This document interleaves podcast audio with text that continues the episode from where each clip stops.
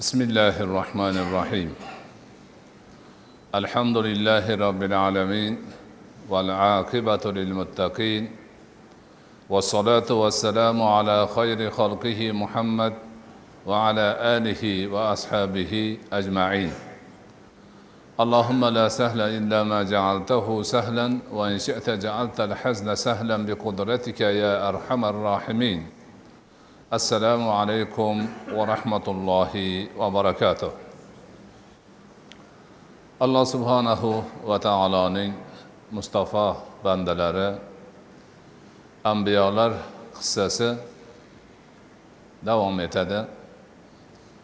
Bugun allohning nabiylaridan bir nabiysi solih alayhissalom to'g'risida alloh subhanahu va taoloning o'zidan yordam so'ragan holimizda imkonimiz boricha so'zlab o'tishga harakat qilamiz. Solih alayhissalom arabiston yarim orolining shimol tarafidagi hijr degan diyorda yashab o'tganlar u kishining otalarining ismi ubayd bo'lgan bobolarining ismi osif bo'lgan. Ismlardan ko'rinib turibdiki solih alayhissalom arab millatiga mansub nabiylardandir. Arab millatiga mansub bo'lganda ham o'tgan qissaning sohiblari hud alayhissalomga o'xshab boida arablari ya'ni qadimda o'tib ketgan arablar sulolasiga mansubdirlar. U kishining nasablari nuh alayhissalomning o'g'illari somga borib taqaladi.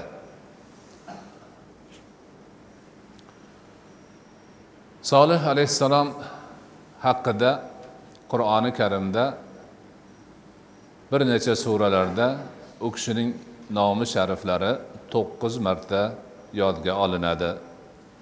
Arob surasi zariyat surasi hud surasi va boshqa bir qancha suralarda suraning siyoqiga undagi so'zni ketishiga qarab solih alayhissalomning o'z qavmlari samud bilan bo'lgan qissalarini turli bosqichlari turli manzaralari ko'rinishlari o'ziga mos ravishda zikr qilib o'tilgan.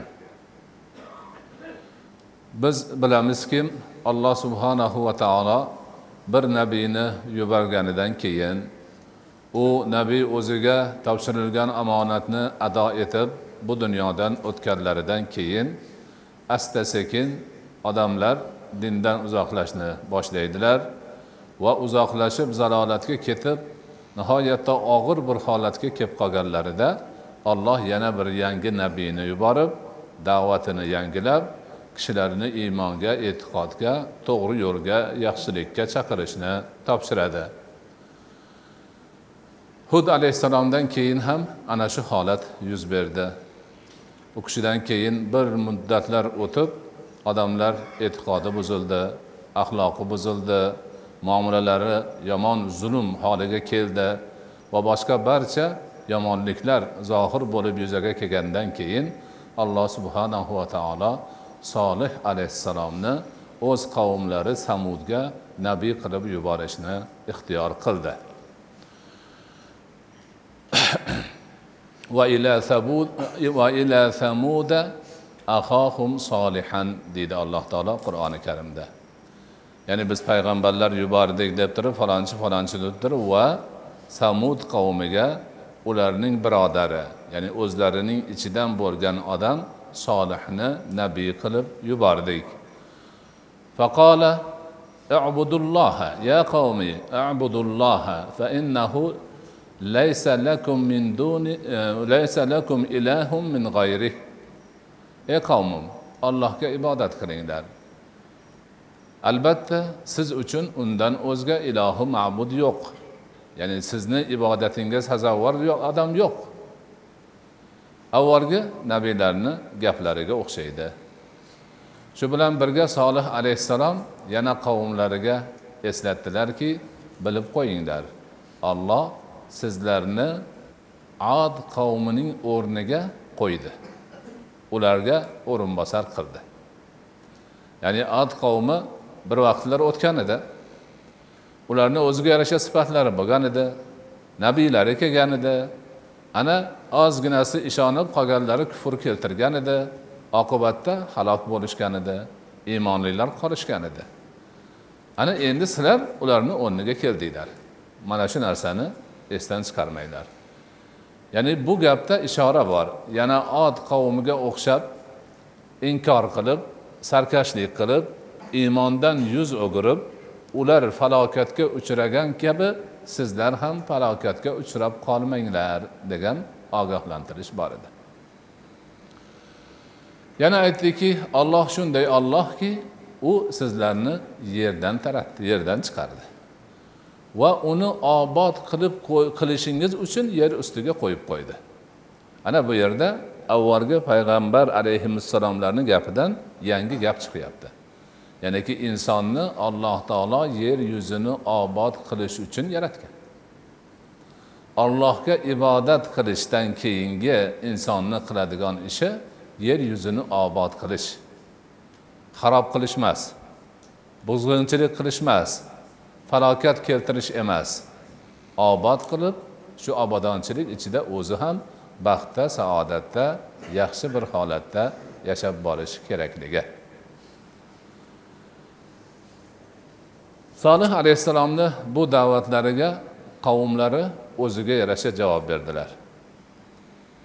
Laqod kunta fina marjuvan e san nima deyapsan? Batahqiq san bizni ichimizda avval orzu qilingan odam eding ya'ni hamma sani havas qilar edi. Bundan chiqadiki solih alayhissalom o'z qavmlarini ichida hamma tarafdan yetuk odoblik axloqlik ko'rganki kishi orzu qilib man ham shu odamga o'xshasadimidim deydigan tarzda xalqni ichida tanilgan taniqli inson ekanlar. Hamma sani orzu qilar edi ya'ni sanday bo'lishni orzu qilar edi. Endi bugun kelib bu gapni aytyapsan. Ana buzuqlikni qarang buzuqlikni. O'zlari orzu qilib shunga o'xshasam deb yurgan odam olloh mani nabiy qildi allohga ibodat qilinglar desa ye tuppa tuzuk odam shu gapni aytasanmi deyishyapti. Agar o'sha o'zlari orzu qilgan odam bir yomonlikka boshlasa hammasi yopirilib ketar edi. Chunki u havoyi nafsini ularni shahvatini ko'zlab turgan narsani aytishi mumkin edi.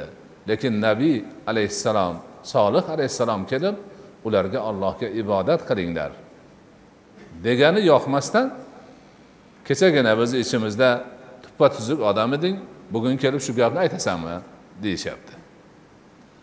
Yana avvalgilarga o'xshab biz san aytayotgan robbingga emas ota onamizdan ko'rgan narsamizga ibodat qilamiz deyishyapti. Bu ham adashuvni eng tarqalgan keng tarqalgan ko'rinishlaridan. Ota onasi nimaga ibodat qilyapti? Uni qilayotgan ibodati to'g'rimi noto'g'rimi? Bundan foyda chiqadimi yo'qmi o'ylamaydida. Ota onam qilganini man ham qilaman deydi. Ota onasi mushrik bo'lsa ota onasi zalolatda bo'lsa ota onasi to'g'ri yo'lda yurmagan bo'lsa qanday qilib buni davo qilishi mumkin bo'ladi?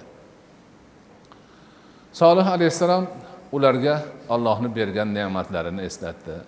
Sizlarga olloh buloqlarni oqizib qo'ydi hamma tarafni yaxshilab qo'ydi. Qaranglar o'zinglar o'ylab ko'ringlar degan gaplarni aytdilar. Undan keyin ularni o'zlari qiziqib turgan narsalarni aytdi. Sizlar qasrlarni qurib tog'lardan uy yo'nib qazib yuraverasizlarmi dedilar. Uy qazib yoki yo'nib degani katta tog' toshdan bo'lgan tog' bular borib turib bir yeridan demak o'sha yerni munosib joyini topib toshni yo'nishib eshik qilishib yana yo'nib yo'nib ichiga kirishib kattaytirib qasr qilishar edi. Bu haligi tepaga ot qavmi quradigan qasrlardan ham mustahkam edi. Chunki zabardast tog' bo'yi ko'kka yetadigan katta tog'ni yo'nib toshini o'yib o'yib chiqarib ichiga kirib katta katta qasrlar qilardi unaqa joyga hech narsa kirib bo'lmaydida. Eshigini ham toshdan qilib qo'yadi yopib olsa tamom. Ana hijr diyorida mana shu narsalar bor. Hozirgacha bor. Hozir u yerlarni madoyini solih deydi. Ya'ni solih alayhissalomni shaharchalari. Ana shu yerda katta tog'larda turibdi. Juda chiroyli qilib arklik qilib darvozalar qilgan ichini qazishgan ichkarlari saroy butun bir shahar ham bo'lib ketaveradi kichikroq. Ana o'shanaqa narsalarni qilishgan. Bular o'sha narsalar bilan faxrlanishgan. Bizni qo'limizdan shuncha narsa kelyapti. Agar ba'zi bir xavf xatar bo'lib qolsa boshimizga musibat tushadigan bo'lsa o'sha toshdan yo'nib qilgan hovlimizga uyimizga shaharimizga kirib olsak bizga kimni kuchi yetar edi degan ishonchlari bor edi. Ana nabiylari solih alayhissalom buni ham eslatdilar. Unga ishonib qolmanglar. Unga ishonib qolmanglar. Allohdan qo'rqinglar. Allohga istig'for aytinglar. Allohga tavba qilinglar ana shunda ishinglar yaxshi bo'ladi. Yo'q ular bunga ham ko'nmadi. Asta sekin gap ko'payaverdi oxiri haligi sarkash qavm solih alayhissalomga iymon keltirgan kishilar bilan tortishishga o'tishdi. Bu tortishuvni vasf qilgan oyatlarda solih alayhissalomni ummati bo'lib iymon keltirganlarga qarshi gapirgan kofirlarni al mala deyiladi. Mala degani boy badavlat jamiyatda yetakchi o'rinni tutganu o'zi yomon yo'lda yurgan odamlarni aytadi. Mo'minlarni zuafa deb ta'riflangan ya'ni zaifxor kishilar. Zaifxor bo'lsa ham olloh ularga hidoyat berdi rushd berdi yuborgan nabiysiga ular iymon keltirdilar. Ana shu iymonlari ularga quvvat berib o'zini jamiyatda avval bularni odam o'rnida ko'rmaydiganlar bilan endi tortishishyapti. Haligi zodagonlar nima? Sizlar solih aytayotgan narsaga iymon keltirasizlarmi? Deyishgan edi. Zaifhol mo'minlar aytdiki albatta albatta biz solih keltirgan narsaga iymon keltiramiz. Sizlar ham keltiringlar. Orada ancha tortishuv bo'ldi. Mana shu tortishuv avvalgi nabiylarni demak ummatini ichida bo'lmagan edi. Endi shu yerdan biz xulosa chiqaramizki zamon o'tishi bilan mo'minlarni e'tibori o'sib boryapti. Ana endi kelib nafaqat nabiy alayhissalomning o'zlari balki u kishiga ergashgan mo'minlar ham allohni diniga da'vat qilib haligi tushunmagan qavmga tushuntirish harakatida bo'lib o'zlarini iymonlarini e'lon qilib tortishuvlarda ishtirok etishyapti. Shu tarzda tortishuvlar bordi keldilar. Bo'lgandan keyin mushrik qavm odatdagidek bu tarafni ojiz qoldirishga o'tishdi.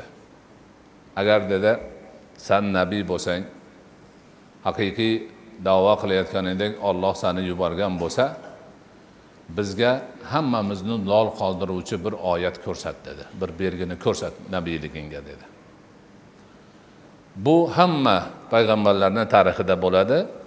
Bu ana shu sarkash qavm tarafidan nabiyga nabiyga talab orqali uni ojiz qoldirish nabiyni ojiz qoldirish uchun belgi so'rash oyat so'rash mo'jiza so'rash. Agar dedi haqiqiy nabiy bo'ladigan bo'lsang ko'rsat bizga mo'jizani dedi. Sani nabiyligingni nima qilaylik ishonaylik dedilar. Solih alayhissalomga olloh vahiy qildi bo'pti dedilar. Ko'rsataman to'planinglar. To'planishganda haligi diyorlari toshlik diyorlarda tog'lar. Olloh bir katta xarsang toshni ichidan bo'g'oz tuyani chiqardi. Katta xarsang tosh unga biror narsa ta'sir qilishi u yoq bu yog'i uchishi boshqasini iloji yo'q kattadan yorildida ichidan bitta katta bo'g'oz tuya chiqdi. Haligi tuya tug'di. Suti ham hamma tuyalarnikidan ko'p bo'lib ketdi. Ya'niki ko'rib turibdi toshni ichidan chiqib kelyapti. Chiqqanda ham oddiy tuya emas bularni tuyasidan katta tuya. Suti ko'p. Endi a- zarracha aql bo'lsa haligilar hammasi o'zini nima? Solih alayhissalomni oyog'ini tagiga tashlab biz iymon keltirdik haqiqiy payg'ambarsan ekan deyishlari kerak edi. Ko'nishmadi. Talash boshlandi. Ularni bittagina suv xonasi bor edi. Alloh sinov uchun aytdi tuyaga bir kun suv sizlarga bir kun suv dedi. Ya'ni o'sha buloqni suvini bir kun tuya ichadi. Mana u qavm suv olmay turadi qarab navbati kelgani yo'q. Ertasiga odamlar oladi tuya ichmay turadi. Navbat qilib qo'ydi. Ana shu mo'jiza tuya bolasi bilan yurib suvdan ichib sutdan berib turganini ko'rgan odamlar asta sekin iymonga kela boshladi. Ko'ryaptida toshni ichidan chiqqan yuribdi hammadan boshqacha narsa. Aqli borlar sekin sekin bir biridan eshitib iymonga kelishni boshlashdi. Bu esa haligi kofir qavmni nima achchig'ini chiqardi. Ularni jazavasi tutdi. Bu qanaqa bo'ldi dedi. Hammasi bunda mo'min bo'lib ketadiyu. Tuyani o'ldirish kerak deyishdi. Yo'g'i bu mo'jiza tuyaku qanaqa qilib o'ldirasan deganlari ham bordir. Xullas bular kofirlarni o'zi ikkiga bo'linib tortishishni boshlashdi. Bir taraf tuyani o'ldiramiz mana ular hammasi musulmon bo'lib ketmasin deydi. Ikkinchi taraf yo'q bu axir mo'jiza tuya yana bir gap bir gap bo'lib qolmasin buni bizga. Holati bunaqa bo'ladigan bo'lsa deydi qaytaradi bularni. Tortishib turganlarida bularni ichida eng ashqosi deydi qur'on eng shaqiy eng badbaxti e, qodur ibn solif deb e, nomlarini ham aytadi. Bu endi odamlarning gapi qur'onda yo'q bu. Ana o'sha eng badbaxt odam turib borib yana keyin tuyani so'yib yubordi mo'jiza tuyani halok qildi. Navbakorlik ustiga navbakorlik bo'ldi. Alloh subhanahu va taoloni joriy qilgan odati qaysi bir qavmga shunga o'xshash oyat mo'jiza kelsayu undan keyin ham ular iymonga kelmasa bularni tag bilan qo'porib tashlashadi hamma voqealarda shunday bo'lgan. Faqat bizni nabiyimizga shu gap bo'lmagan. Ular oyat olib kel o'qil bu qil degan kelganu lekin oxirigacha tubigacha odamlarni yo'q qilib yuborish ishi bo'lmagan chunki bu ummat oxirgi ummat. Qiyomatgacha qolishi kerak bo'lgan ummat shuning uchun alloh taolo bizni ummatimizga buni ravo ko'rmagan. Haligi tuyani so'yganlaridan keyin solih alayhissalom aytdilarki endi o'zlaringizdan ketdilaring. Endi endi hech qanaqa joy qolmadi. Ollohni amri bilan aytdilarki uch kun kutasizlar dedi. Uch kundan keyin sizlarga ollohni belgilagan jazosi keladi. Bu ham yangi narsa. Ya'niki jazoni kelishini avvaldan e'lon qilib ularni nima ko'ngliga g'ulg'ulani solib qo'yish. O'z joylaringizda uch kun turinglar undan keyin allohni jazosi sizlarga keladi dedi. Ularni umidlari bor ediki haligi toshni ichidan a tog'ni tagidan toshdan o'yib kirgan nimalariga hech narsa kirolmaydi shundan qutulib qolamiz degan ma'noda. Uch kun o'tgandan keyin olloh ularga azobni yubordi. Ungachavur ungachavur yana boshqa hodisalar ham bo'lib o'tdi. Ana shu hijr shahrida to'qqiz kishilik bir jinoyatchilar guruhi bor edi. Ular hech qachon yaxshilik ish qilmagan doim fisqi fasod yomonlik ishlarini qilib yurishar edi.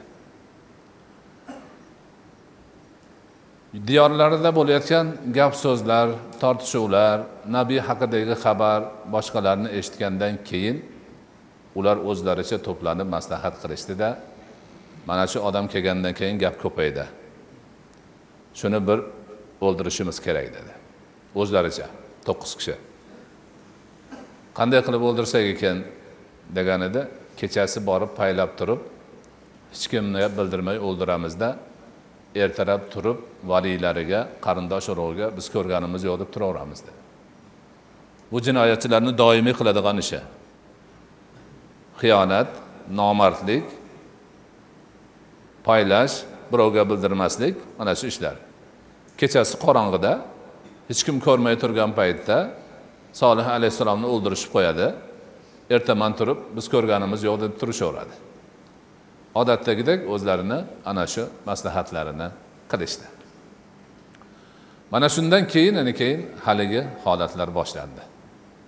Alloh taolo ularni niyatlariga erishtirmadida hammalarini to'qqizovini ham boshlaridan tosh tushirib tosh bilan urib o'ldirdi alloh. Undan keyin haligi uch kunlik fursat kelishi bilan bir qattiq qichqiriq bo'ldida hammasi haligi toshdan bo'lgan uyini ichida to'kilib qoldi. Chunki u suv suv kirmaydi o't kirmaydi. Shuning uchun alloh taolo ovozni qurol qildi ularga. Qattiq qichqiriq ya'ni haddan tashqari qichqiriq har qanday odamni o'ldirishi bugungi kunda sobit bo'ldi. Ilm buni kashf qildi. O'sha bermuda uchburchagi degan dunyoda uch nuqta bor. O'sha yerga qaysi markab samolyot yoki kema kirsa odamlari hammasi birdaniga o'lib qoladi. Mana shuni hozir bularni bir qattiq qichqiriq o'ldiryapti degan xulosaga kelishgan. Kema butun turaveradi hech narsasi bo'lmaydi. Biror narsani izi ham yo'q. Faqat odam o'lib qolaveradi. Ularniki ham shunaqa bo'ldi. Tutdek to'kilishdi bir oyatda aytiladiki qurib qolgan daraxtni shoxiday bo'lib qoldilar deydi. Endi uyda o'sha toshni ichiga qochib kirmaganlari nima bo'ldi? Ularni bir guruhini zilzila balosiga alloh taolo yo'riqtirdi. Zilziladan ham qutulib qolganlarni chaqmoq urdi hammasini. Faqat solih alayhissalom va u kishiga iymon keltirgan kishilargina qoldilar. Tarixchilarimiz aytadilar ular bir yuz yigirma kishi edi. Ana kufr sarkashlik nobakorlik o'sha ishlarni qilgan e, qavmni boshiga yetdi. Hammasi yo'q bo'ldi. Qurgan istehkomlari ham toshdan bo'lgan uylari ham boshqa ko'rgan choralari ham birortasi shu kor qilmadi. Himoya qilmadi saqlay olmadi. Iymongina o'z egalarini saqlab qoldi. Iymoni borlarni iymon keltirilgan zotning o'zi alloh taoloni o'zi sog' salomat himoya qilib qoldi. Solih alayhissalom ana shu voqeadan keyin o'zlariga iymon keltirgan kishilar bilan tinchlikda omonlikda rohatda farog'atda yashab o'tdilar. U zoti babarakot alayhissalotu vassalom falastin yerlarida vafot qildilar va romla degan shaharga dafn qilindilar. Mana o'tgan qavmlardan bir qavmning qissasi qisqagina tarzda sizlarga taqdim etildi. Mana bu yerda siz bilan biz mo'min musulmonlar uchun olam olam ibratlar bor ko'pgina va'z nasihatlar bor bulardan albatta alloh subhanahu va taolo hammamizni manfaat olishimiz foydalanishimiz ibrat olishimizni o'zi nasib qilgan bo'lsin.